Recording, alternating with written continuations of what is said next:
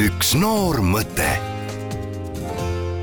Postimehe kaudu jõudsin ma ühe põneva artiklini, nimelt Postimehe Tähenduse teejuhid rubriigis oli üks põnev artikkel pealkirjaga Kuhu kaob lapsepõlv ja selle artikli kirjutas reaalkooli gümnasist Paul-Aleksander Külv. ja nüüd on Paul-Aleksander meil telefonil, tere päevast! tere! ütle, kas sinu jaoks lapsepõlveaeg on siis praeguseks läbi või veel ei ole läbi?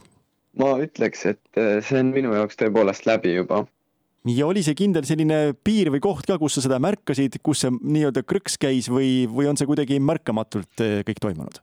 see on pigem märkamatu, aga võib-olla seda on lihtsam pärast, pärast nagu paika panna, et kus see nii-öelda krõks käib. et minu jaoks oli see kuskil põhikooli keskpaigas kui sa mõtled tagasi lapsepõlvele, millised märksõnad sinu lapsepõlvest võiksid kaasa tulla, mis, mis sõnad jäävad meenutama sinu lapsepõlve, mõned võib-olla lõhnad, mõned kohad, mõned asjad? kindlasti helge.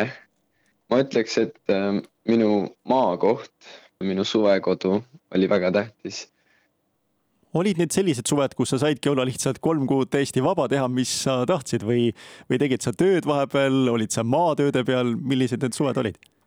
Jaa, seal oli kõike ja ähm, võib-olla see oligi kõige kihvtim, et ei olnud, need ei olnud nagu kõik sellised samasugused, kogu aeg oli midagi erinevat. no maal annab ju igasuguseid asju teha, seal on äh, põllutööd, aiatööd, äh, loomad, seal oli nii palju võimalusi, et äh, võib-olla see, see tegigi just kõik sellise hea, mis meelde jäi. nii et sinu lapsepõlv ei möödunud täielikult kuskil nutiseadmetes? kindlasti mitte mis sa arvad, kas suvi peakski olema noore või siis lapse jaoks pigem puhkamise aeg ja mängimise aeg või peakski seda kasutama osaliselt ka töö tegemiseks ja selles valdkonnas kogemuste saamiseks? ma usun, et see sõltub veidike vanusest, aga mida aeg edasi läheb, seda rohkem võib-olla võiks keskenduda siiski mingitele reaalsetele tegevustele, sest et need ikka need nii-öelda avardavad maailmavaadet ja, ja nagu saad ka kogemusi lihtsalt äh, tulevaseks eluks. et isegi kui vahel on tüütu, kui öeldakse, et tee üks või teine asi ära, siis pärast saad aru küll, miks seda vaja oli. jaa, et mööda külge ei jookse kindlasti maha. milline on sinu arvates sellise lapsemeelsuse või lapselikkuse hoidmise tähtsus, kas täiskasvanu peaks kuidagi ka enda sees seda hoidma? ma usun küll, sest et võib-olla seda ei pea nagu välja näitama, aga selle läbi on võib-olla lihtsam, nagu ma seal ka artiklis kirjutasin, et nii-öelda aeg-ajalt külastada oma, oma lapsepõlve ja leida sealt neid nagu tugipunkte, eriti just elus keerulisematel hetkedel. millised need hetked on olnud, kus sina oled saanud abi just nimelt äh, lapsepõlve tagasiminemisest?